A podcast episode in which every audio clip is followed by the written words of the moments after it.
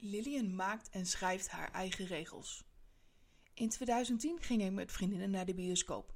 Sex and the City, de movie 2, was eindelijk uit. Een scène uit die film is me altijd bijgebleven. Carrie vertelt aan de meiden dat zij en Big hun eigen regels schreven in hun huwelijk. Charlotte is het daar niet mee eens en de 2010-versie van Lillian ook niet. Ik kon me niet voorstellen dat je niet alle dagen met je geliefde zou willen zijn. Dat je dagen apart zou willen wonen en elkaar niet zou willen spreken. Carrie haalt haar schouders op en zegt dat ieder zijn eigen ding moet doen.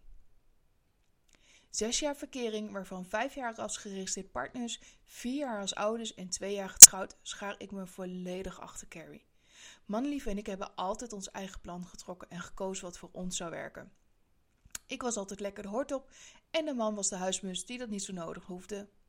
Dat veranderde uiteraard in de coronatijd. Voor ons beiden kwamen er muren op ons af. De man kwam erachter dat hij geen huismus was. Hij zag alleen normaal gesproken voor zijn werk al zoveel mensen dat hij in zijn vrije tijd graag thuis was. Ik kwam erachter dat ik meer energie haalde buiten de deur en mijn eigen ding doen dan letterlijk alles samen te doen.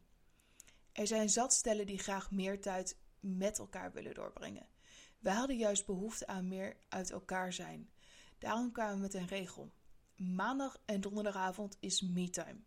Voor ons beiden en gaat in zodra de kleine op bed ligt.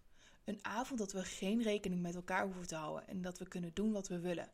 Met de voetnoot dat er wel iemand thuis moest blijven en destijds de babymonitor en nu de kamer in de gaten moet houden. Over het algemeen blijven we die avonden thuis. Ik kijk een slechte film of lees of schrijf wat. Hij schildert de nieuwste Warhammer poppetjes. Beide worden we niet gelukkig van elkaars hobby, maar beide worden we wel gelukkig van ons eigen ding. Wat me vooral heel blij maakt, is het de vrijheid die het me onbewust geeft. Naast vrouw, moeder, vriendin, collega, dochter en zus te zijn, heb ik nu ook weer ruimte om mezelf te zijn. Is het leven daarom altijd leuk, nu we kiezen hoe we ons eigen huwelijk indelen? Ik kan je één ding verklappen: dat is het zeker niet. Ook wij hebben gewoon onze ups en downs. Samen en zelf. Maar juist doordat we communiceren in onze behoeftes en tijd nemen om aan onszelf te werken, blijft er ruimte om samen te groeien. Dat is wat voor ons werkt. Eén nadeel: ik heb geen hobby's die ik graag uitvoer. Scheelt weer dat ik twee avonden per week heb om uit te vinden wat ik graag zou willen oppakken.